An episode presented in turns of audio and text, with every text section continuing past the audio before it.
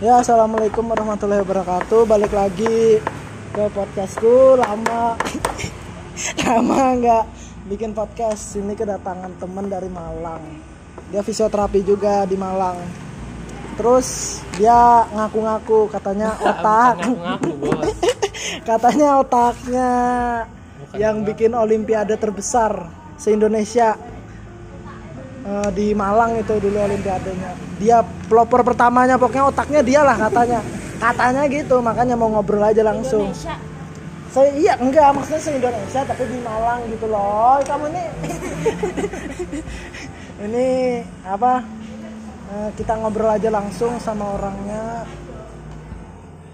Kita bahasa Indonesia aja, jangan atau bahasa isyarat nanti.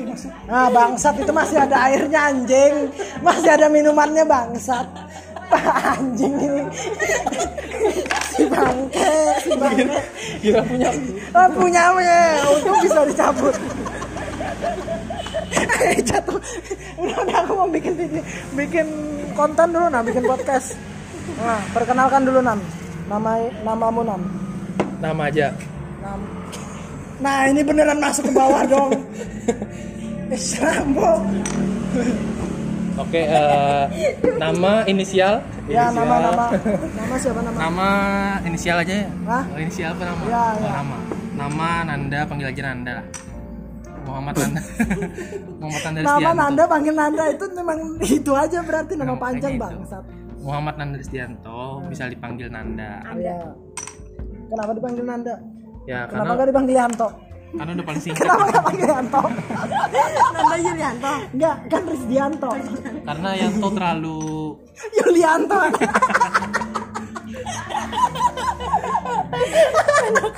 hati-hati hati-hati. Yanto itu nama nama orang tua, Bos. Tidak Oh, boleh, iya, siap, tidak boleh. Jadinya Yulianto. Kamu Yulianto. Nama cewek jadinya. Terus terus, tapi bener kamu ini otak dibalik yang bikin Olimpiade itu. Oke, jadi klarifikasi sedikit.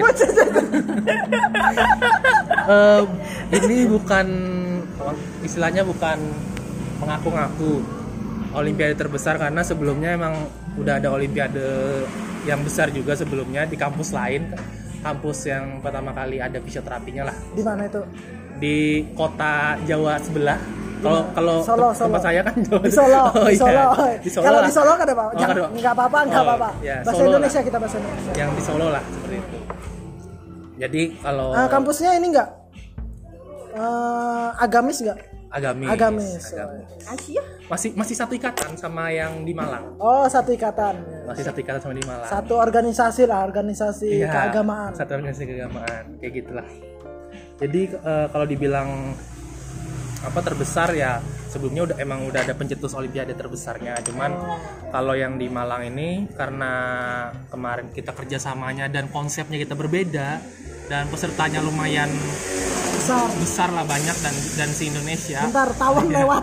Ya, tahu. tahun lewat tadi. ya, ya, eh, karena pesertanya banyak dan se Indonesia lah sama kerjasama juga luas kemarin jadi eh, banyak yang menilai itu olimpiade ter, olimpiade fisioterapi terbesar di Indonesia Oh, padahal padahal sebenarnya enggak sebelumnya, sebelumnya itu ada. udah ada sebelumnya udah ada cuman beda tempat Oh, cuman ibaratnya di Malang itu baru itu ya, Iya. baru yang kamu itu. di Malang di Malang dan kampus itu baru ngadain pertama kali olimpiade terbesarnya di situ Tapi kamu ikut organisasi yang di Visio itu enggak sih? Dari kampus, Visio yang di kampus. kalau dari kampus ikut yang dari kampus ikut yang dari eksternalnya juga ikut Berarti tapi kan kamu ketua pelaksananya. ya ketua pelaksananya Nah, terus emang ketua pelaksana itu harus dipilih dari yang ikut organisasi di kampus itu atau enggak sebenarnya? Enggak karena saya di apa di kampus itu jadi pengurus, pengu- jadi pengurus, jadi dipercaya buat ngejalanin acara ini. Eh, karena se- eh, jadi dari awal cerita ya, Nah, awalnya ini Olimpiade ini kerjasama sama eh, ikatan eksternal fis- mahasiswa fisioterapi hmm, tapi di luar kampus ya. di luar kampus. Jadi ikatan mahasiswa fisioterapi yang lingkup besarnya lah. Nah mereka punya project, punya project eh, pekan ilmiah mahasiswa fisioterapi yang isinya itu Olimpiade. Eh, ada olimpiadanya terus itu pertama kali diadain kalau nggak salah diadain pertama kali di Surabaya apa di Solo gitu pertama kali. Kalau nggak salah kalau nggak di Solo di Surabaya. Terus di tempat kita itu eh, acara yang kedua. Eh, jadi kita dapat projectnya itu eh, dan diadain kedua namanya tuh PIMAF dulu PIMAF Pekan Ilmiah Mahasiswa Fisioterapi yang isinya Olimpiade. Nah terus kemarin itu karena kita dapat projectnya diadain di Malang di kampus saya terus karena saya pengurus eh, dari kampus itu pengurus himpunan Internal, lah oh, himpunan, himpunan tapi- kampus lah. Eh, jadi kita yang jalanin eh, program dari pihak ikatan mahasiswa fisioterapinya itu. Lalu dibikinlah ide kita diberi kesempatan jalanin PIMAF-nya itu dengan ide terserah dari kita. Nah, ide dari kita. Terus karena saya yang dipercaya jadi ketua pelaksana maka saya coba eh, merubah sistem merubah sistem olimpiade PIMAF-nya yang awalnya satu bidang satu bidang keilmuan Hmm. dan juga ada apa? KTI kok KTI apa? Apa sih Karya karya tulis tulis ilmiah. ilmiah. Nah, ada karya tulis ilmiah. Ini sistemnya benar-benar olimpiade persaingan antar eh, persaingan ilmu tapi beragam keilmuan yang saya bawakan di sini Tapi tapi Olimpiade. menyangkut fisioterapi aja kan. menyangkut fisioterapi aja jadi yang yang olimpiade sebelumnya cuma satu apa satu bidang Satu ini saya jalankan tiga bidang jadi sistem olimpiade di event yang yang saya siapkan kemarin itu ada tiga bidang Oh iya bentar. Ini kemarin olimpiadanya itu tahun berapa sih? 2000 2016. kalau nggak 2006 ya 17, 17. 2016 kalau nggak 2016 2017 sudah lupa kemarin Oh, antara 2016 atau 17 ya. 17. Kalau nggak Soalnya 16, dari kampusku juga ada perwakilan ke sana dulu itu. pokoknya kalau nggak ada 16 17 terus eh, kan terus kan jalanin itu kegiatannya kita eh, saya mikir biar beda gimana olimpiadenya dan dan bisa men- apa menarik peminat ya udah maka di ada ide lah nyangkut lah ada ada ide nyangkut gimana kalau kita bikin sistem olimpiadenya sama kayak olimpiadenya eh, olahraga kayak pon sea games asian games. Jadi kita eh, bikin bikin per, per cabur per cabang dan ada medalinya juara 1 sampai juara 3 per, per cabangnya. Terus ada ada ini juga ya katanya apa? ada seminar workshop Bukan ininya eh, bergilir apa piala Ya, bergilir. dan dan itu ada piala bergilirnya juga karena ini kan eh, istilahnya proyeknya dari Ikatan Mahasiswa Fisioterapi yang eh, organisasi eksternalnya fisio, mahasiswa fisioterapi. Jadi kenapa kita nggak bikin piala bergilirnya? Karena setiap tahun kan pasti diadain olimpiadanya, cuman beda-beda tempat. Hmm. Terus berarti kamu ngaku-ngaku kalau idealismemu itu lebih tinggi daripada cutting-cuttingmu sebelumnya gitu. Kalau dibilang idealismenya lebih tinggi, eh, bukan idealisme lebih tinggi karena saya dipercaya jadi ketua dan saya dipercaya buat konsep Hmm. cutting itu cuma cutting itu cuman bilang kamu jadi eh, jadi ketua terus konsep secara matang dari nama olimpiadenya Hmm. Terus sistem olimpiadenya yang menarik gimana Enggak, ma- yang aku maksud berarti kamu mendeklarasikan nggak kalau sebenarnya eh, idealismemu itu lebih tinggi daripada cutting-cutting karena kamu yang buat ini besar dan itu pun nekat kan? Ya dari, Hitungannya dari, nekat, dari kan? hitungannya nekat karena kan terus merasa lebih idealisme lebih tinggi gitu. Kalau kalau dibilang dari cutting kalau dibilang idealisme lebih tinggi ya bisa jadi cuman tet- sombong cuman tetap tetap ada support dari cutting. Karena kita karena kita kan di situ anggapannya baru pengurus baru. Hmm. nggak langsung dilepas. Gitu. ya terus jadi kenapa dibilang besar? Eh, istilahnya kita main bikin tiga cabang. Yang pertama di bidang sport Hmm. neuro sama pediatri. Dan se- selain olimpiade kita juga ngadain seminar workshop. Nah terus kerjasama kerjasamanya. Kita eh, sama yang pertama ada IV IV I- otomatis itu, IV. IV kalau kalau teman-teman tahu IV kita Indonesia. fisioterapi Indonesia. Terus ada perhimpunan setiap bidang. Kayak misalkan dari sport eh, gitu. dari sport ada perhimpunannya. Tapi yang di Malang apa seluruh Indonesia? Yang, yang pusat. Oh pusat berarti. Yang seluruh, pusat. seluruh Indonesia seluruh hitungannya? Indonesia hitungannya. Soalnya pusatnya biasanya di Jakarta semua. Hmm.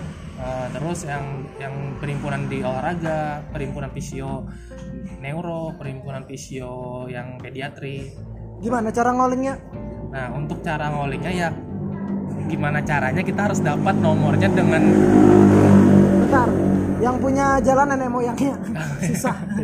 siap siap. Jadi eh, gimana gimana ngontak orang-orang tersebut? Ya kita cari tahu sosial med- sosial media kan banyak tuh. Karena dosen-dosen kan masih masih support dengan kita. Jadi kita sharing sama dosen ide kita dan dari situ dosennya juga ngebantu dari link-linknya. Kalau mau ke perhimpunan sini masuknya ke sini kalau sini kontaknya ke sini. Eh, yang bikin dosen-dosen kaget kenapa ma- eh, mau menjalankan olimpiade dengan tiga cabang? Karena istilahnya menurut dosen-dosen yang di Malang satu cabang aja itu mengeluarkan biaya yang besar apalagi ada acara seminar sama workshop. Apakah Terus kamu nganggap kalau dosen-dosenmu itu pelit. Bukan nganggap pelit cuman eh, apa dosen-dosen itu kayak takut gitu loh kayak takut kalau takut, ada- Takut ada, bangkrut. minus ada minus ada Oh, minus. iya, iya, soalnya kan eh, dosen kan juga eh, nggak ngebantu biaya.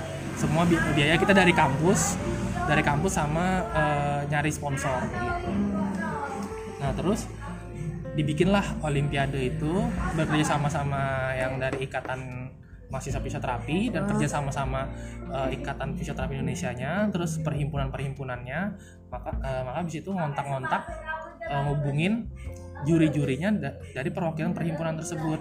Terus eh, karena kita tawarkan banyak hadiah ah, banyak hadiah itu maksudnya setiap cabur setiap cabur Setiap setiap cabang- setiap cabang, cabang keilmuan olimpiade. ke- keilmuan olimpiade itu ada eh, medalinya medali emas perak perunggu Itu beneran asli mas. enggak enggak asli Oh, kirain beneran Iya. ya, aduh. dibilang kalau beneran mah buat yang ketuanya ya. Oh iya iya iya. Nah itu jadi ada medali emas, perak, perunggu. Nanti eh, itu siapa dengan total medali terbanyak poinnya itu bakal menjadi juara umum, dapat piala bergilir. Nah se- seperti itu kemarin. Makanya eh, cara menarik eh, pasar gitu, Pasar, menarik iya, teman-teman fisioterapi, mahasiswa fisioterapi untuk ikut di olimpiade ini ya dengan kayak gitu. Eh, kalau ditanya kenapa berani menjalankan olimpiade dengan Kan itu belum kutanya bangsat. kan belum ya kutanya. maksud kalian biar langsung biar Ya langsung sudah berarti ke moderator loh isinya kayak ini. langsung soalnya kan banyak soalnya banyak orang yang nanya Oh. eh, banyak Iya, orang iya. kok berani gitu loh Nah. Oh, Ya kok berani nih? Aku tanya nih. kok berani kok berani ngejalanin dengan sistem olimpiade sebesar itu Hmm. dengan tiga tiga cabur dan ada acara seminar workshop bahkan eh, dari apa pihak IVI pun bertanya-tanya Pihak IV pusat apa yang IVI di Malang? IVI pusat. pusat Seluruh Indonesia. IVI Malang aja kaget apalagi IVI pusat Oh, iya. eh, IV pusat aja kaget apalagi IV Malang gitu harusnya. IVI Malang yang daerah aja kaget Oh iya. apalagi yang pusat Oh iya iya iya. kebalik Benar, kan benar, itu. benar. nah gitu Iya iya. jadi eh, sampai kok berani ngejalanin emang eh, bisa tertutupi dengan biayanya sebesar itu segala macam kan termasuk besar sih biayanya kemarin itu kalau saya sih modal Terus terus menarik dananya dari mana? Kalau Sponsor menarik dananya yang pasti ada sponsor sponsor besar semua. Sp- sponsor sih nggak besar cuman banyak Oh. Rokok-rokok pakai sponsor Nggak rokok. ada lah. kita kan Sponsor rokok besar loh. kita kan eh, satu Kampus- satu. kampus- oh kampus iya, yang- kampus kesehatan. kesehatan Islam, Islam. susah susah Rokok haram. rokok rokok bukannya haram kalau kesentuh masuk neraka Waduh. Kamu kenapa masuk neraka ngerokok? rokok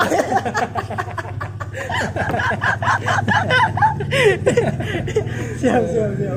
nah, jadi kayak gitu. Berarti tapi anu apa? Sponsornya yang lingkup Malang aja apa ada yang da, ibaratnya sponsor besar gitu yang seluruh Indonesia terkenal.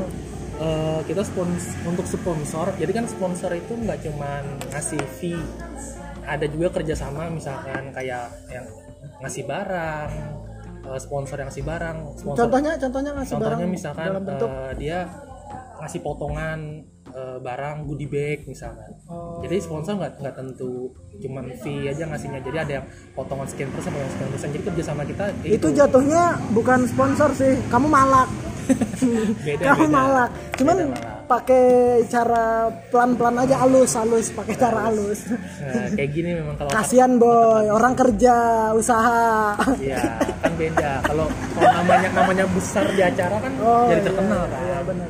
Tapi itu dicantumin semua sponsor Dicantumin cantumin. dicantumin. Tapi yang biasanya dana yang terbesar paling gede tuh. yang Ya, ngasih dana pastilah. terbesar masih yang paling Dan- gede tuh. biasanya eh, yang ngasih dana terbesar Kalau itu bisa paling gede Iya, kalau bisa satu ini sendiri. tapi, masa- Satu, tapi apa masalahnya namanya? satu masalahnya satu Spanduk. masalahnya satu Apa apa tuh?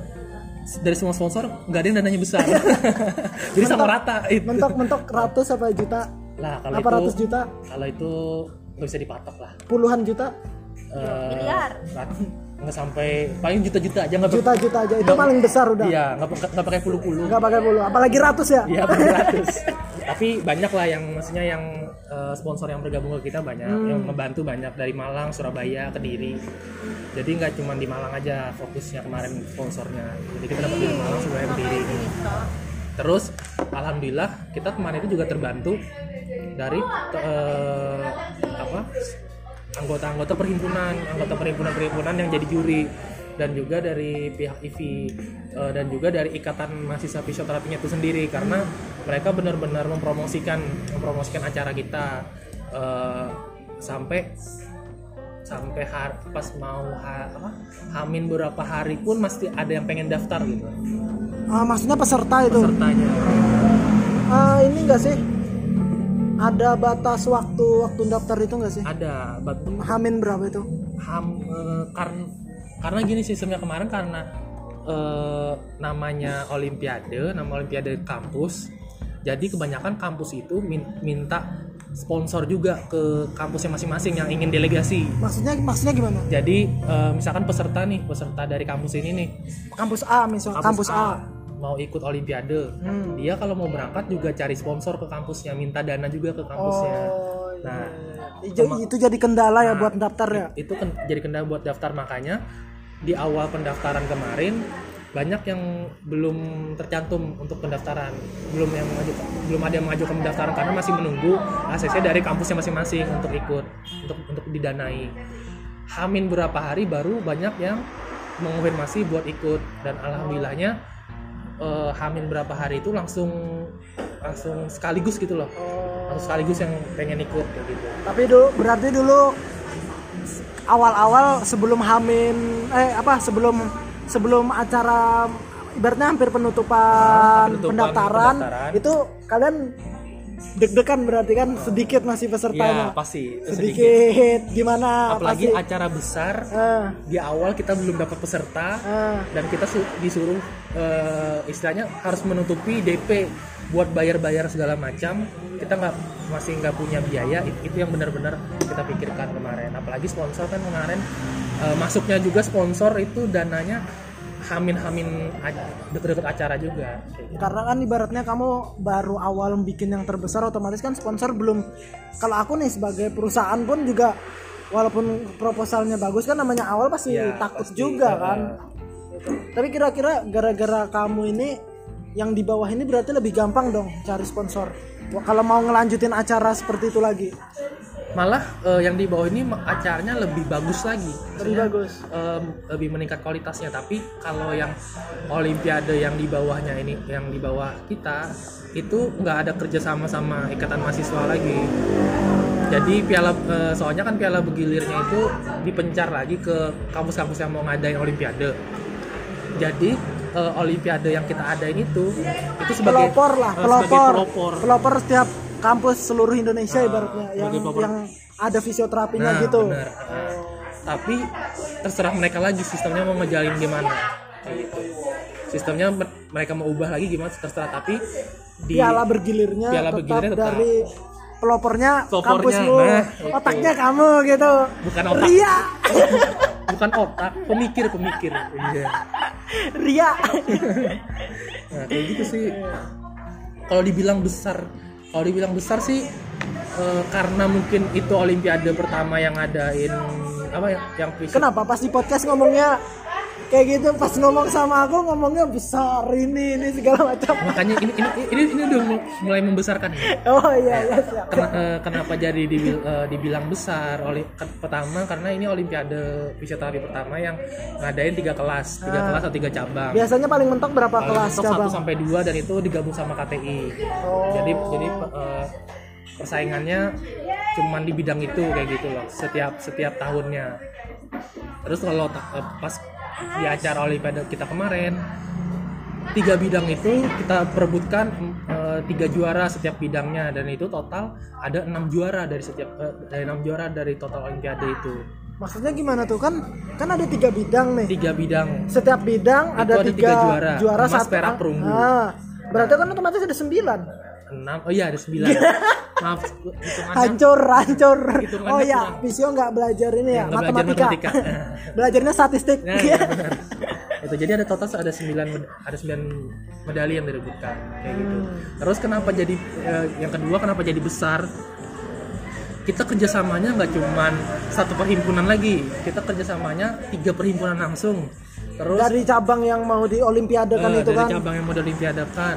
Terus kita kerjasamanya sama IVI pusat dan IVI kota Malang. Terus kita kerjasamanya karena ini proker juga prokernya dari ikatan mahasiswa, jadi kita kerjasama sama ikatan mahasiswa dan dan juga eh, dari kampusnya sendiri, kampus kampus yang ada di Malang itu sendiri yang benar-benar menggebor-geborkan acara tersebut. Itu yang kedua kenapa terlihat besar. Gitu. berarti ibaratnya IV Malang pun juga ngikut apa nyebarin Iya, info ada itu informasi. Apalagi, apalagi kan kalau biasanya ada acara-acara di setiap daerahnya, eh IV setiap daerah itu wajib untuk mempromosikan fisioterapi istilahnya. Nah, terus yang ketiga kenapa jadi terlihat besar? Olimpiade ini diikutin sama teman-teman eh, kampus Indonesia yang biasanya nggak pernah ikut Olimpiade ikut misalkan kayak yang di Sumatera ya ya. Terus kayak eh, di Sulawesi nah, Eh, bahkan di Olimpiade kita yang dijanin dijanin sama adik-adik kemarin itu ada yang dari Kalimantan juga ikut. oh Kalimantan ikut. Sulawesi ikut nggak? Sulawesi ikut tapi kalau yang yang Olimpiade pertama Olimpiade pertama yang kita adain kemarin itu yang dari kamu kamu dari aja nih. Dari dari tempatku kemarin Kalimantan belum ikut. Yang awal kamu bikin kan bukan Eh, yang ada kelas eh, kamu yang kan? awal bikin kemarin itu yang ikut dari Jakarta dari Jawa Barat Jawa Timur terus Bali Solo Jogja terus Semarang terus Sumatera Sulawesi. Kalimantan gak ikut? Kalimantan gak ada ikut. Kalimantan ikut yang yang selanjutnya. Oh. Nah itu. Eh, kenapa terlihat besar? Ya hitungannya seluruh Indonesia ikut bergabung di situ kayak gitu.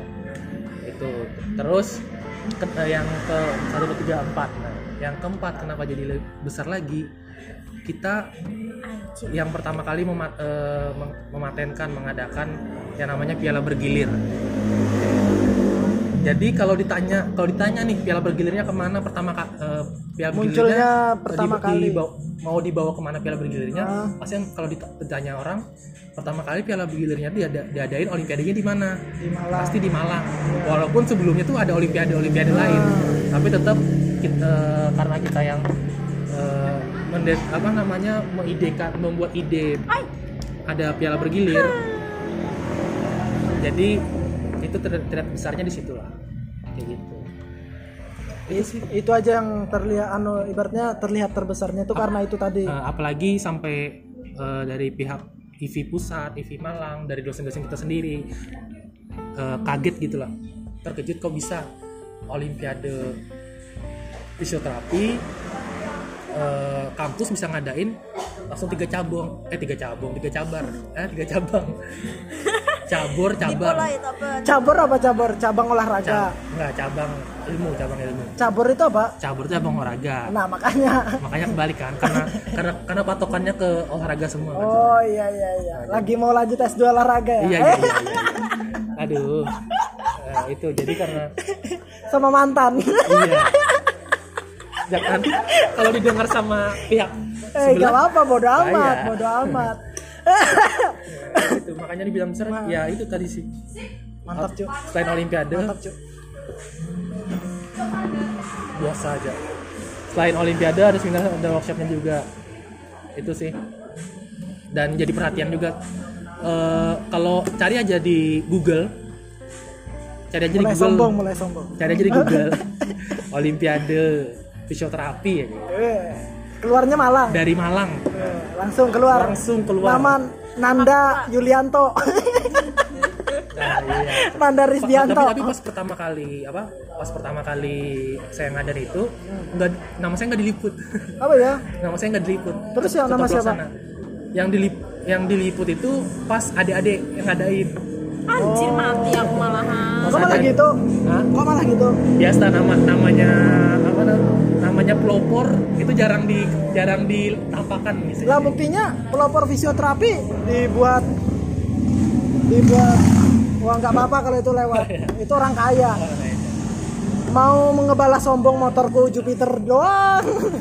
Siap siap. Tadi apa mau ngomong apa? Eh, ini buktinya pelopor fisioterapi Indonesia namanya kan tetap namanya?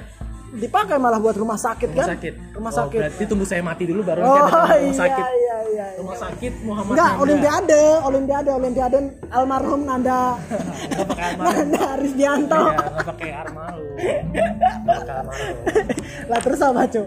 ya langsung aja Eh, Muhammad Nanda Eskes MUR Waduh, waduh, mainnya titel. Oke. jangan bahas titel lah titel saya bukan fisioterapi soalnya siap, siap, siap, siap. MKes ya soalnya eh apa? Eskes, eskes. Eskes, eskes. Bukan S- SFTR ya? bukan bukan SFT, Deng. kecewa kecewa kecewa itu mungkin yang tanyakan lagi soalnya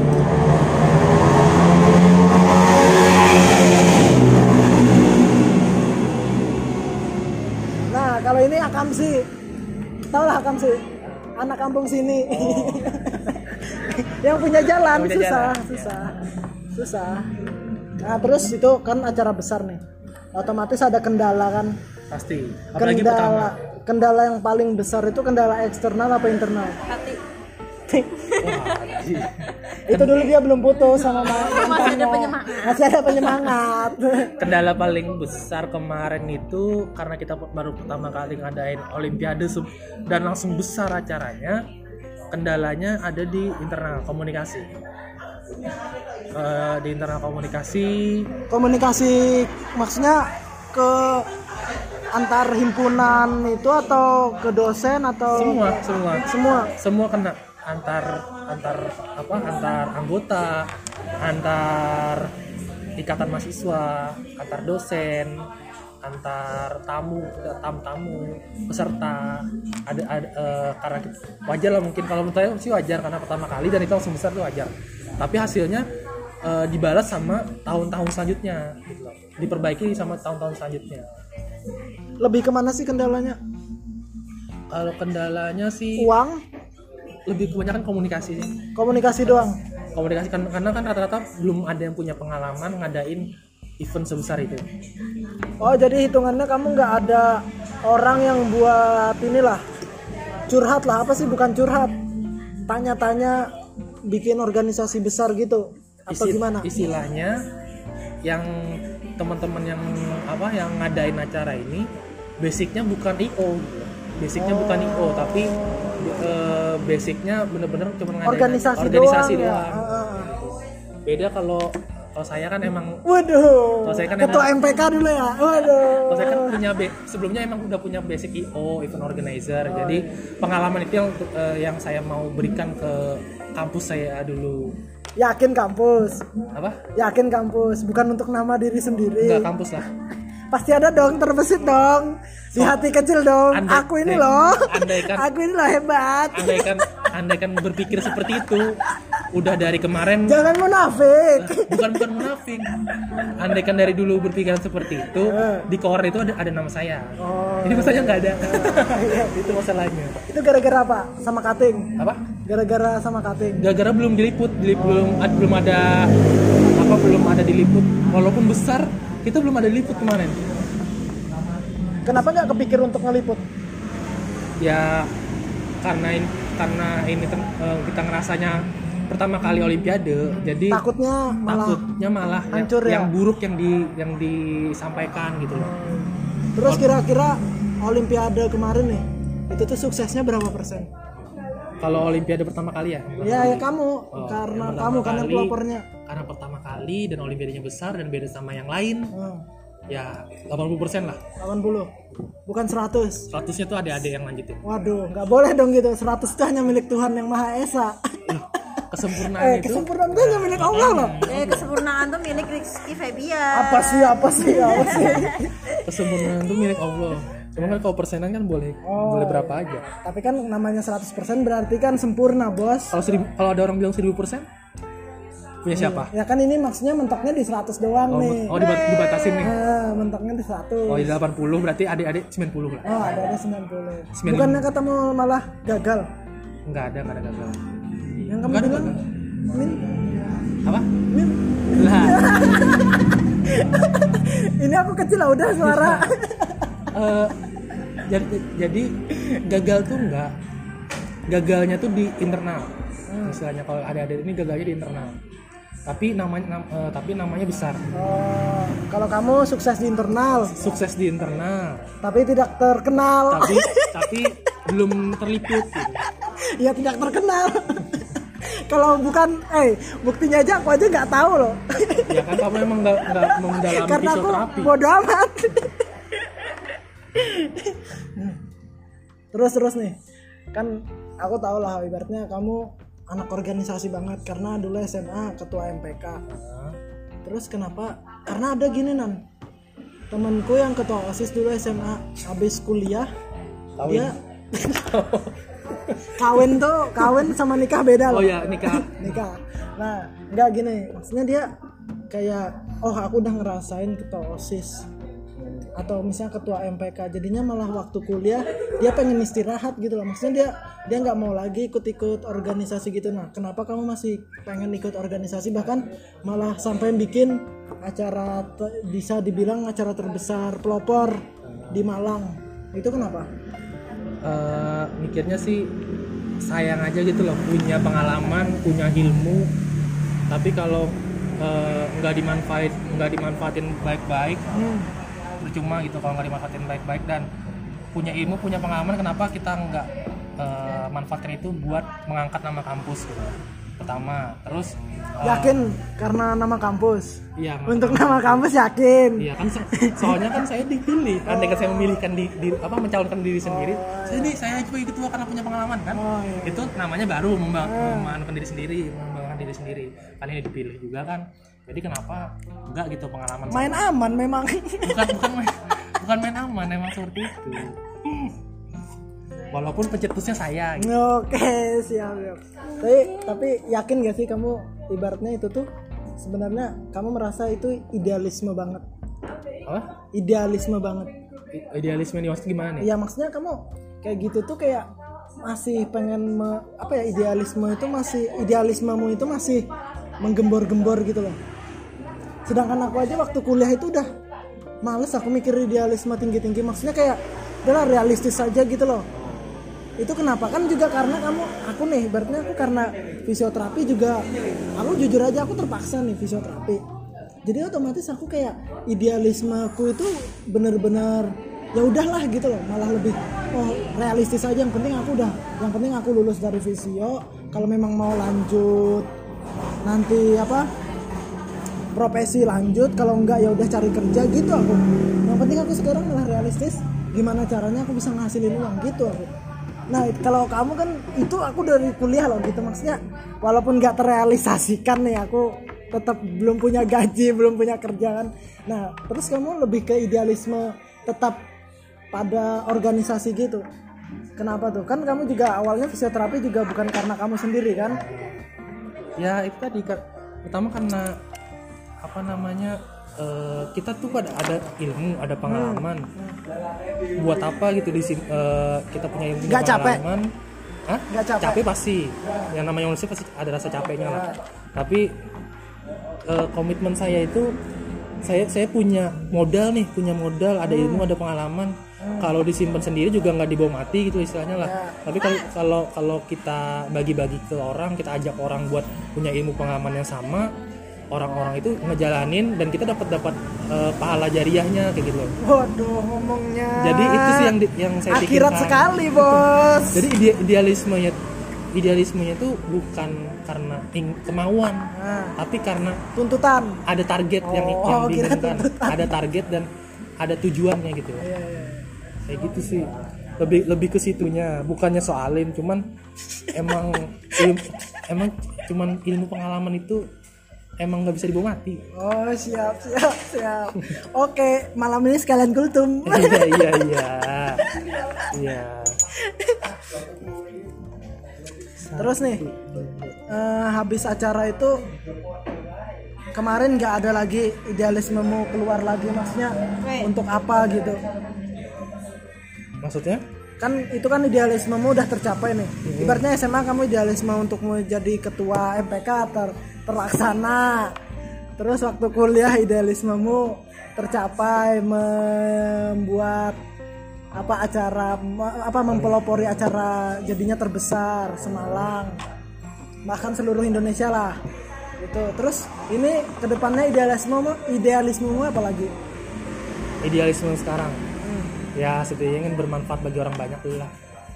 Itu sih semua orang ngomong gitu Nah, bos tapi caranya kan, Nah, cara cara- caranya lagi. ya caranya gimana Ya pu- eh, setidaknya nanti ke ke depannya ada tujuan misalkan apa namanya kita bikin sesuatu yang beda dari orang. Bermanfaatnya kita bikin kita fisio- fisioterapi nih. Kali ini kita bisa bikin klinik eh, terus bagi yang nggak mampu itu dapat eh, kemudahan buat dapat pelayan fisioterapi. Kayak gitu. Itu kan masuk idealisme idealisme Ya. juga kan. Ya. Cuman dengan yang ada aja ini nih BPJS nih. Aduh, kayak gitu. berat, berat, berat, berat. kira-kira kamu dapat dana untuk membiayai orang gratis yang tidak mampu itu gimana? Insya Allah. Ya anu lah cari yang pasti cari in- invest lah. Sekarang gini nan.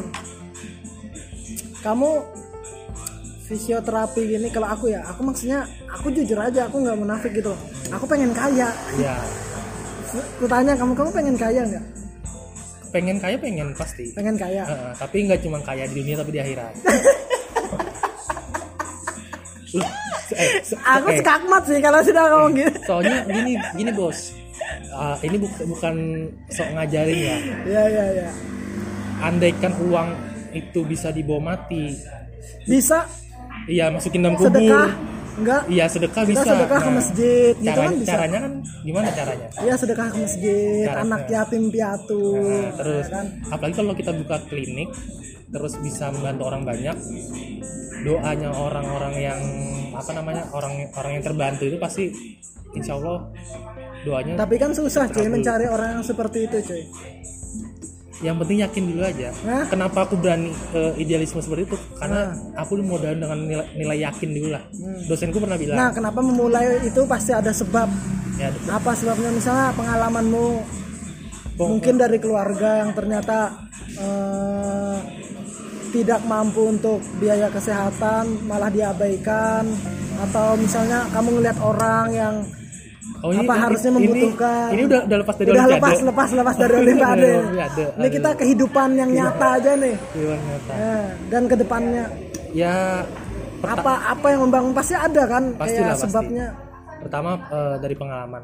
Hmm. pengalaman dulu pernah- dulu pernah ngerasain eh, fisioterapi pasti, pasti pernah lah waktu sekolahnya preklinik. Ya jadi kenapa ngerasain preklinik. Di preklinik itu kan kita disuruh nanganin eh, apa ngelihat na, eh, fisioterapis nanganin pasien Hmm. sehari bisa sampai 30 sampai 50 orang. Ya. 30 sampai 50 orang penanganan yang diberikan apakah maksimal? Enggak kan? Pasti kan? Enggak. Hmm. apalagi di rumah sakit. Apalagi di rumah sakit.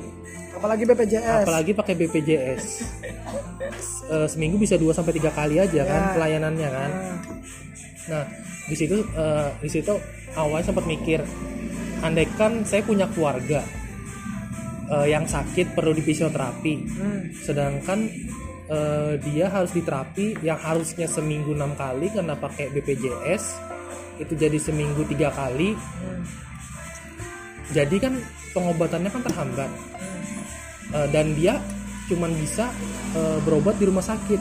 Karena BPJS nggak berlaku di rumah sakit kayak gitu loh. Setahu saya. nggak bisa mendatangkan fisioterapi ya maksudnya nah, bisa fisioterapi yang ke rumah gitu kan ke untuk rumah. latihan. Nah iya seperti itu. Jadi kan istilahnya ngelihatnya kasihan gitu loh. Nah, Eh, istilahnya kita kita dapat eh, kita dapat uang dari pasien. Pasien itu minta sembuh datang ke kita. Ya tapi kita nggak berikan maksimal ke dia. Jadi di situ saya mikir ken- eh, kenapa kita nggak bikin sesuatu klinik atau tempat fisioterapi atau home visit segala macam tapi kita eh, tapi mempermudah orang-orang eh, yang kekurangan biaya untuk fisioterapi itu untuk bisa bisa dapat pelayanan pelayanan yang maksimal gitu. Tapi itu bukannya malah menghancurkan rumah sakit juga kalau kamu bikin kayak gitu Eh, kalau untuk untuk menghancurkan sih kayaknya nggak nggak bakal menghancurkan. Dong. Kalau bagiku soalnya otomatis misal nih contoh ya di Malang rumah sakit semuanya misalnya pelayanan fisioterapi kayak gitu kayak gitu aja. Misal nih ya terus adanya klinikmu dengan biaya anggapannya ada lah tetap tetap nih.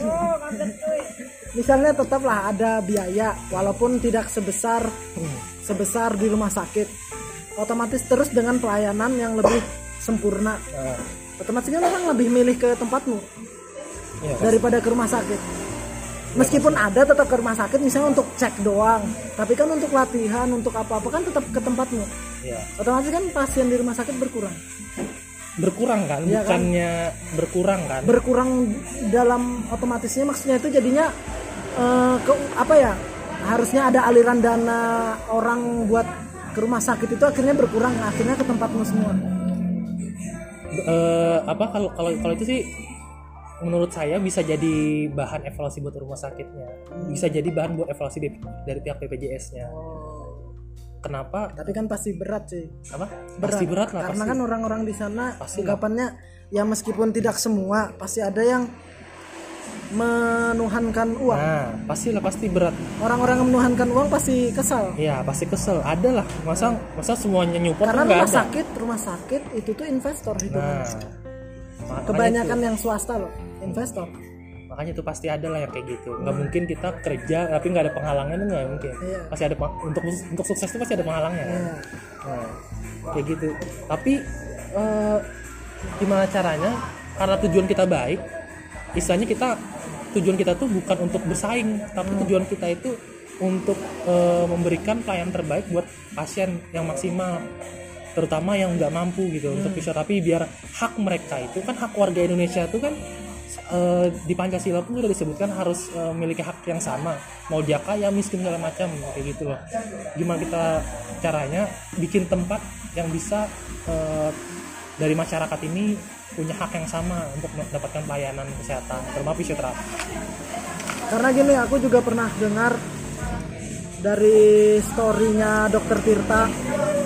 Ada dia bikin story terus ada apa kata-kata dokter ini dokter yang ngomong kalau mau kaya raya jangan jadi tenaga kesehatan jadi pengusaha. Sedangkan di Indonesia kebalik.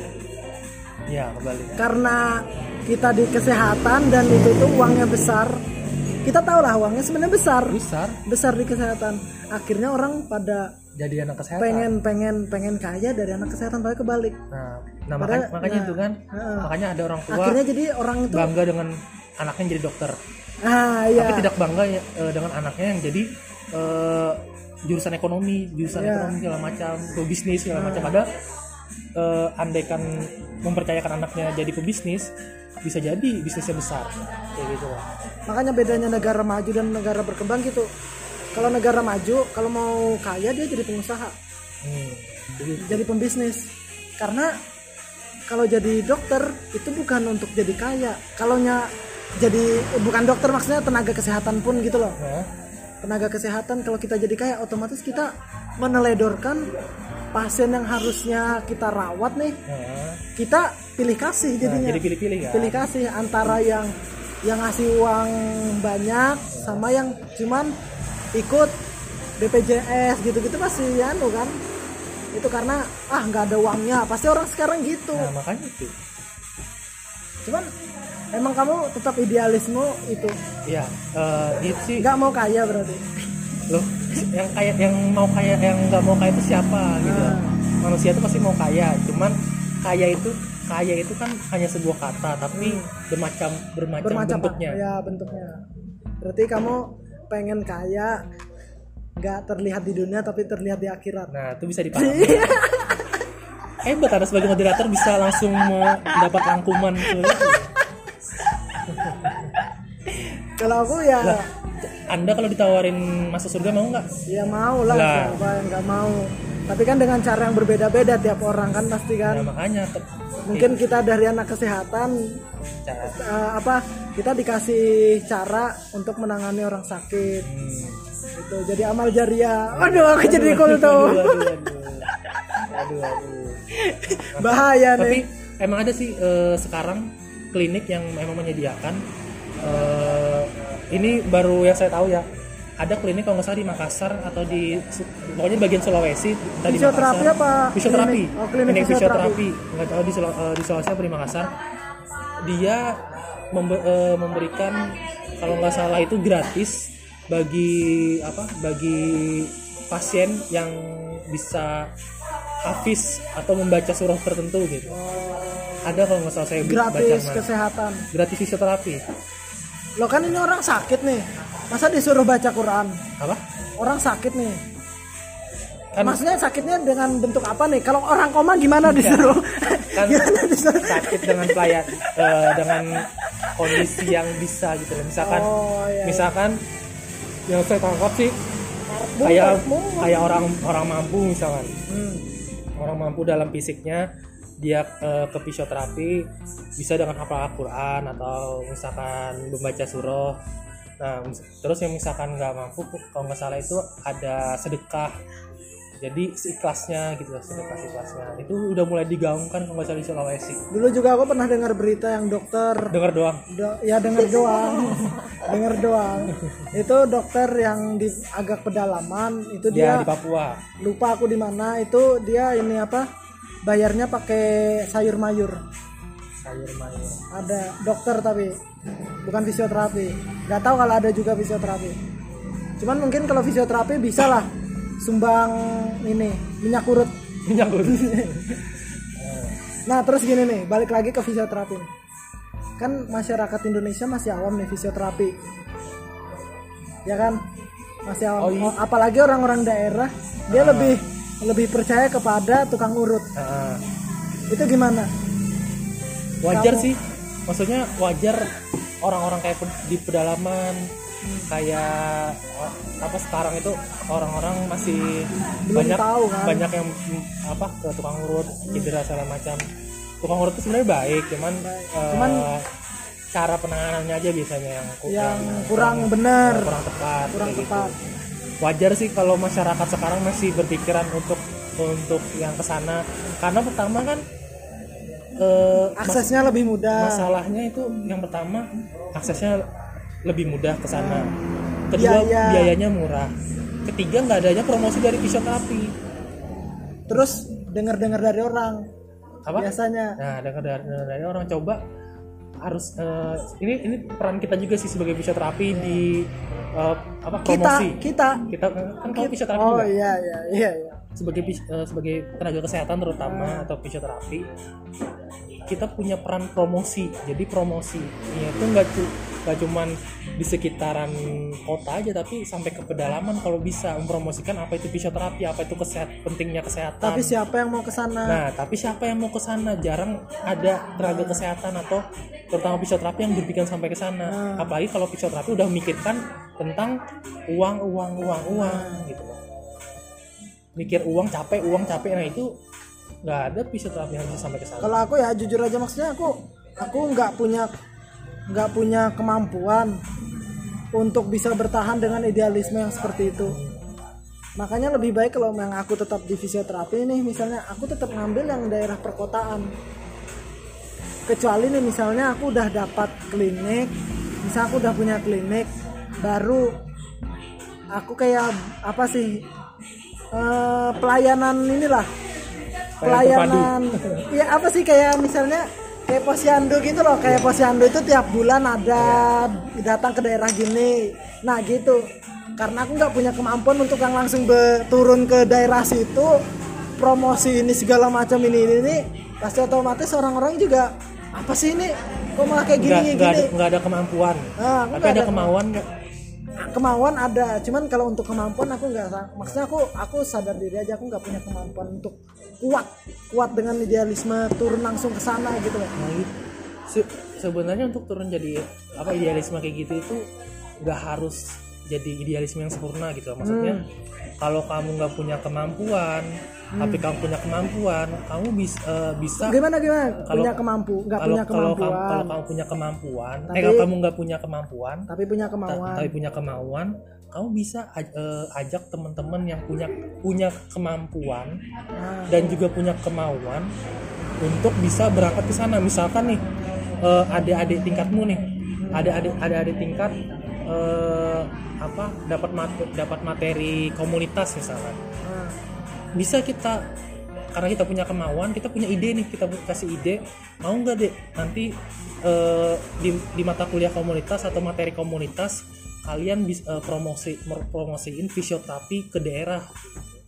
Eh, kalian kalian kan nih punya kem- punya kemauan pastinya. Ke- dan juga kemampuan kemampuannya apa? Kalian punya kelompok di situ. Kenapa? Eh, selagi kalian masih mahasiswa kalian nggak bantu teman-teman fisioterapi sejauh fisioterapi buat turun ke daerah buat mengenalkan apa itu fisioterapi. Seenggaknya mengenalkan dulu lah. Nggak harus ngasih tindakan. Ya yang penting mengenalkan dulu biar orang-orang sana tahu apa itu fisioterapi. gitu tapi kan bisa dihitung jari mahasiswa yang kayak gitu. Contoh aku aja aku nggak mau. Kalau karena aku masih jadi mahasiswa. Loh iya bisa di- bisa dihitung jari tapi dari hitungan jari kan pasti pasti lebih dari satu kan? Iya. Nah kayak gitu. Apalagi kemauan itu datang dari tuntutan kadang. Contohnya mata kuliah. Kan Contohnya ada mata tuh. kuliah tuntutan kan? Mata kuliah. Nah, bisa jadi bisa itu dimanfaatkan buat buat mempromosikan walau, walaupun nih istilahnya pas turun di lapangan kerja eh, kerjanya saya kan gak ikhlas kan namanya Nah. tuntutan kan Nah, eh, kemauan akan tuntutan pasti ada aduh capek nih ke sana ke desa segala tapi setidaknya macam. ada promosi ya Eh, tapi setidaknya dengan cara kayak gitu ada promosi tapi itu pasti dong harus harus setiap maksudnya harus konsisten kalau nggak konsisten orang tetap balik lagi dong ke tukang urut tukang pijat yang lebih pasti Iya mak- eh, makanya kan untuk membuat konsisten itu ada yang nam- ada yang namanya kayak studi lanjut gitu loh. Istilahnya nggak cuma nggak cuma sekali tapi diadakan proker itu setahun sekali setahun sekali. Apalagi anak-anak anak-anak himpunan kan haus akan proker tuh. Anak-anak tapi nggak mau lah dia tetap kata siapa nggak mau anak-anak himpunan kayak gitu? ya mu- ya maksudnya aku nggak anu ya maksudnya apa ya kebanyakan dia lebih kayak broker yang di kota dan habis itu menjadi terkenal. Ya kebanyakan kayak kebanyakan gitu kayak gitu. Nah, kebanyakan kayak gitu. Kalau dari himpunan terus kita menarik itu tuh pasti ya paling ya bisa lagi kembali lagi dihitung jari lagi. Asalkan kuat aja sih maksudnya dengan orang yang hitungan jari. Itu sih kalau untuk Makanya itu. kan istilahnya istilahnya proker sekali setahun gitu buat buat anak-anak organisasi tapi kan kalau dirutinin setiap tahun orang bakal tetap terus mengenal gitu. Bakal lengket di kepalanya oh ini bisa lebih tinggal eh, kalau udah promosi tinggal bagaimana caranya kita memberikan tempat fisioterapi ke masyarakat di da- daerah sana. Seenggaknya yakin dulu lah. Kalau kalau aku sih modal yakin dulu mau itu berhasil apa enggak yakin dulu aja. Karena namanya kita niatnya baik insya Allah ada jalannya gitu loh kalaupun nggak ada jalannya berarti ada jalan lain buat ke sana. Boleh boleh. Itu itu tentang tentang untuk ini ya. Amal jariah. Amal jari. amal cuma jariah ama- dan pro apa promosi kesehatan nggak untuk cuma amal jari tapi ke promosi kesehatan lah. soalnya kan daerah-daerah yang belum terjamah. Soalnya kan kalau kita ngelihat pasien eh, cedera karena dipijat itu kita nggak nyalakan pasiennya nggak nyalakan tukang pijatnya juga tapi sebagai orang yang berilmu sebagai orang yang tahu kita harus nyalakan diri sendi- kita sendiri kenapa? Kalau kalau bahasa agamanya muhasabah diri. Iya, waduh. harus muhasabah diri juga. Kenapa? Buk- eh, yang harusnya peran kita di situ kita nggak nggak lakukan gitu loh. Itu. Jadi kita nggak menyalahkan pasien, nggak menyalahkan eh, dari tukang pijatnya juga gitu. sekarang gini nih lanjut lagi nih. Temanya baru lagi nih. Kamu kan udah lulus nih visio terus orang-orang kan pada ngincar profesi. Kenapa kamu malah S2 aduh ini emang ada yang ada yang dengar kasus panjang ini ada podcast ini? ada. Orang gabut. Serius serius. Eh, jadi kenapa milih S2 nggak profesi? Hmm. yang pertama sih eh, ini sih dibilangnya kalau di kalau saya bilang ini kemungkinan fisioterapi fisioterapi atau orang-orang orang-orang mikir eh, sepele amat gitu loh, Ah. menyep- menyepelekan gitu. Kalau saya sih kenapa jadi milih S2 Ken- eh, S2 dan nggak ngambil profesi. Kalau orang berpikirnya pasti mau jadi dosen gitu loh. Pasti ya kalau dosen. ngambil S2 Nah, pasti jadi S2. dosen Nah, kalau kalau emang rezeki saya di situ ya kenapa enggak rezeki saya di situ tapi kenapa saya ngambil S2 dan kenapa nggak lanjut profesi saya pengen keluar da- eh, dari zona zona nyamannya seorang fisioterapi yang harus dap, eh, yang ketika dapat STR dia dapat dia bisa buka klinik terus eh, dia kerja dia bi- eh, bisa apa bisa buka klinik kita legal lah istilahnya lah. Nah kalau, kalau saya leb- eh, lebih eh, kenapa jadi S2 saya ingin belajar dari luar itu dari luar profesi itu. Pertama saya nggak mau terikat. Ya. Profesi kan terikat tuh antar rumah sakit antar rumah sakit jeda waktu istirahatnya dua tiga emang hari. kalau STR harus kerja di rumah sakit juga? Apa? Kalau dia punya STR harus kerja di rumah sakit? Enggak. di klinik pun nggak apa-apa kerja kan? di klinik. Nah, bah- bahkan dia bisa, karena punya STR bisa buka klinik. Nah. nah, ta- tapi kalau saya belum siap buat terikatnya itu aja. Oh tapi klinik itu harus ada ikatan sama rumah sakit? Apa? Eh, kalau punya klinik harus Enggak, ada ikatan. enggak. enggak juga kan? Enggak. Terus terikatnya dari mana yang maksud saya terikat ini sekolahnya. Sa- eh, saat pendidikannya. Oh iya iya iya. profesi itu kan pendidikannya setahunan lebih lah. Nah, Eh, nah dan itu dia pindah pindah ke rumah sakit rumah sakit. Nah, tiap bulan. Ini pemikiran ini pemikiran individu saya. Takutnya nanti orang mikirnya itu pemikiranmu aja gitu. Eh, subjektif lah sub- dari diri subjektif sendiri. dari diri sendiri. Yang saya lihat eh, terus pindah rumah sakit pindah rumah sakit apalagi jaraknya jauh lumayan berarti harus ngekos ngekos lagi kan? Harus pindah ke kos lagi sedangkan kos yang asal itu juga masih harus jalan kan? Nah, iya. gitu sistemnya kan kayak kayak gitu. Nah saya belum siap buat itu. Saya pengennya sama tetap lanjut pendidikan tapi saya pengen bebas. Jadi istilahnya S2 ini kan waktu senggangnya lebih lebih eh, banyak. lebih banyak walaupun emang full. Kadang-kadang emang full tapi waktu waktu luangnya lebih banyak. Nah waktu luang itu yang saya manfaatkan untuk bisa ikut pelatihan-pelatihan memper- eh, mengembangkan ilmu saya di bidang sport fisioterapi itu mengikuti pelatihan-pelatihan dan juga bisa saja nih saya ikut pelatihan bisnis. Ya. kenapa saya ikut pelatihan bisnis? Ya itu tadi saya nggak punya saya nggak punya saya sadar diri nggak punya STR karena nggak ikut profesi. Tapi saya tetap pengen punya klinik. Caranya gimana? Ya seenggaknya eh, saya bisa belajar bisnis gimana? Terus nanti ketika saya lulus saya bisa buka klinik tapi saya nge-invest klinik tersebut walaupun STR-nya bukan punya saya gitu. kayak gitu kenapa jadi saya milih milih- tapi kan gini eh, kamu berarti hitungannya kamu pengen membuat lapangan pekerjaan untuk fisioterapi. Iya itu nah juga. sekarang ini waktu fisioterapi punya STR dia punya klinik dia juga membuat lapangan pekerjaan buat orang lain iya. kan? Heeh. apa bedanya? Beda eh, kalau bedanya nggak ada bedanya sih. Nggak ada bedanya eh, kalau saya buka klinik sama nggak. Bedanya kan cuman jalannya aja caranya. jalan dan caranya aja.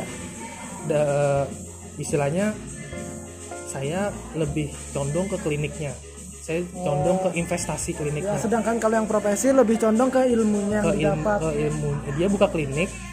Karena memiliki ilmu. Memiliki ilmu. Ter- eh, terus dia mengembangkan kliniknya. Kalau saya eh, buka klinik ngembang sama-sama ngembangin ilmu karena karena kerja sama-sama fisioterapi yang punya STR Nah, tapi kamu ilmunya lebih ke ekonomi. Tapi saya ilmunya lebih ke ekonomi. Lebih saya eh, lebih ke linknya istilahnya investasinya lah. Invest, eh, lebih ke investasinya kayak gitu. Tapi tidak eh, tidak meninggalkan peran fisioterapi itu sendiri. Walaupun lebih ke arah bisnis. Bisa saja ketika orang eh, punya satu satu klinik saya bisa lima klinik cabang gitu kan bisa. Karena berarti jadi orang kaya dong? Apa? Jadi orang kaya? Jadi orang kaya kan sistem kliniknya belum belum tentu eh, harus mengambil pundi-pundi uang. Ah, ya, ya, ya, ya. Boleh, boleh, boleh. Ngomongnya boleh, tapi nanti kita lihat ke depannya. yang penting kan niat dulu Oh, iya, semua iya, yang penting yakin dulu Ah. makanya kan orang bilang eh, teman-teman saya pernah bilang eh, yakin kamu berpikiran seperti itu bakal ter- bakal terjalani bakal ngeja eh, bakal tercapai lah mau tercapai mau enggak yang penting saya niatin dulu saya pikirin dulu dari sekarang insya Allah kalau ada jalannya kenapa enggak. Tapi kalau emang nggak ada jalannya cari jalan lain buat kita berbuat baik dengan cara yang lain kayak gitu Makanya bener itu slogannya Nike itu. Just do it. just do it bener-bener Just do it. Lakukan aja dulu. lakukan aja dulu Sama Tokopedia juga mulai aja dulu. Nah. itu Jalannya ada aja kan Jal- nanti. jalannya kan pasti ada aja lah namanya apa namanya orang berusaha kan jalannya macam-macam yang penting mau diusahain dulu terus sampai ditanya sama teman-teman emang orang tua setuju kamu berpikiran seperti itu ya orang tua kan pasti awalnya nggak setuju karena orang tua pasti mikirnya eh, harus kalau sukses itu ya harus dengan jalannya gitu loh harus Ya, jalannya. jalan dengan orang tua ya. jalan sejalan Ya, dengan orang tua Karena gini loh, aku tuh kadang kesel ya, maksudnya ya aku juga kadang kesal juga sama orang tuaku. Sebenarnya sukses itu itu tuh subjektif, Hmm. Nggak bisa jadi patokan. Aku menurutku suksesku kayak gini, menurut kamu pasti beda, kan? Beda. Karena gini, eh, misal aku bilang aku sukses, aku mau sukses, suksesku itu misalnya aku punya keluarga yang harmonis, meskipun aku nggak kaya, tapi di beberapa orang aku sukses itu kaya loh bukan walau ah, kaya loh tapi ternyata keluarganya nggak harmonis dan itu tuh sebenarnya berbeda tapi orang tuh malah nyuruh sukses menurut dia sendiri gitu loh nggak menurut yang apa yang diinginkan orang lain. Itu kadang nah orang tua aku termasuk seperti itu. Maksudnya aku tuh suksesku itu malah jadi kayak tuntutan dari orang tuaku yang seperti yang dia inginkan gitu loh. Sedangkan aku punya punya pemikiran sukses yang berbeda dengan dia gitu loh. Itu jadi jadi apa oh ya mbak. Ya Ya.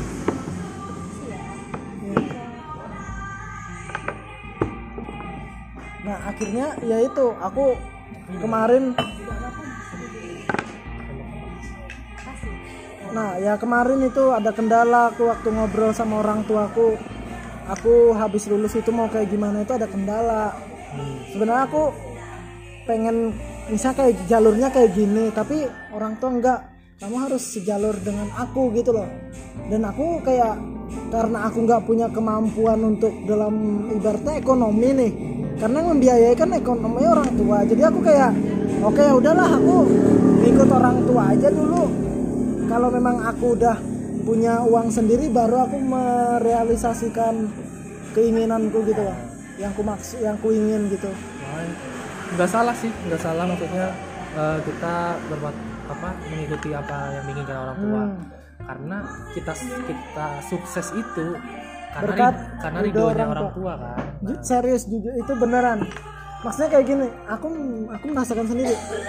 Aku tuh kuliah kalau orang yang tahu ya ibaratnya teman-teman yang tahu aja kayak anjir aku tuh kuliah santai banget. Tapi aku pas ini maksudnya aku bisa lancar maksudnya tetap IP ya ba- lumayan bagus lah nggak nggak bagus banget lumayan bagus apa-apa nggak ada ibaratnya ada kendala tapi nggak yang begitu kendala. Ibaratnya yang skripsian pun aku bisa ngikutin apa apa ya ngikutin apa yang tuntutan dosen inginkan gitu-gitu ya meskipun nggak maksimal berat ada perjuangan gitu-gitu. Maksudnya kok aku aja dari diriku sendiri aja kayak nggak yakin kok aku bisa sampai sini ya. Ada itu jalannya, kan? ada jalannya berkat ridho orang Nah, tua tadi itu. yang penting tuh satu sih kalau aku jangan durhaka sama orang tua. Nah makanya itu. Tuh jadi mau pemikir eh, mau pemikiran mau pemikiran kita beda sama apa sama orang tua. Hmm. tapi kalau orang tua nggak ngeridoin pemikiran kita pasti bakal nggak sukses. Nah it- itu itu yang selalu saya tanamkan. Jadi gimana caranya? Saya bisa meyakinkan orang tua buat eh, pemikiran saya ini bisa dapat ridhonya orang tua gitu loh walaupun kadang-kadang pemikiran kita berbeda tapi gimana caranya ketika saya punya pemikiran orang tua bisa mengaminkan gitu. Karena dengan cara itu sukses, eh, sukses itu bisa ada. Nah kamu maksudnya menurutku kamu tuh orang yang beruntung gitu loh. Maksudnya kalau dari subjektifku ya karena aku ti- karena aku tidak mendapatkan apa yang seperti kamu dapatkan jadi ya otomatis aku kayak menurutku kamu beruntung gitu loh. Karena aku masih jujur aja aku masih terpatok pada orang tua sedangkan kamu benar-benar bisa berkomunikasi dengan orang tua dan orang tua menyetujui apa yang kamu inginkan itu hebat maksudnya bisa ya ya awalnya emang sama kayak kondisimu gitu. Eh, awalnya emang kayak gitu. Cuman itu tadi eh, karena modal yakin aku bisa ngeyakinin dan eh, enggak aku aku aku tuh irinya di komunikasi sih. Nah, di komunikasi kenapa bisa gitu loh kenapa dari kenapa bisa itu itu sebenarnya banyak banyak banyak banget pertentangannya gitu. Hmm. dari kenapa bisa itu. Sama kondisinya sama. Eh, namanya orang tua pengen sukses pasti pengennya yang dipikir orang tua itu harus dijalanin gitu lah. Nah, sama kayak gitu cuman eh, kenapa saya eh, kenapa orang tua saya bisa kayak gitu? Sampai memikirkan ke sana. Pertama eh, dari dari pemikiran saya dan keyakinan saya saya bisa buktiin gitu saya bisa bisa buktiin ke orang tua bahwa yang saya pikirkan itu eh, bisa bisa terjadi gitu bisa terjadi tercapai kayak gitu. Dan itu ada taruhannya anggapannya taruhannya kalau kalau sampai pemikiran saya nggak terjadi hmm. saya akan sepenuhnya ikut pemikiran dari orang tua. Berarti hitungannya orang tuamu masih masih mempercayai kamu dengan embel-embel ta- tadi itu ya taruhan. Iya kalau orang tua aku nggak bisa cuy. dulu dulunya kayak gitu. Oh, nah kalau orang tua aku nggak bisa. Orang tua aku nggak mau taruhan sama aku. Jadi dia harus kamu ikutin dulu kataku. Kalau udah ngikutin kataku baru terserah kamu. Nah kalau orang tua aku kayak gitu. Nah, itu sih. Beratnya tapi, di situ. Tapi emang emang emang kalau aku sendiri ngerasa emang aku ada untungnya, untungnya dari dari orang tua aku bisa langsung memahami gitu, Nah, bisa memahami cepet. Tapi nggak menyalahkan orang tuamu juga yang berpikir gitu pas karena siapa sih yang nggak mau anaknya sukses gitu. Nah. anaknya apa ya ibaratnya ekonominya lancar Lancar. gitu-gitu kan Karena kan kalau ekonomi lancar, anaknya sukses, yang Orang pasti, tua- yang pasti orang tua tuh nggak terbebani lagi untuk membiayai kan. Iya.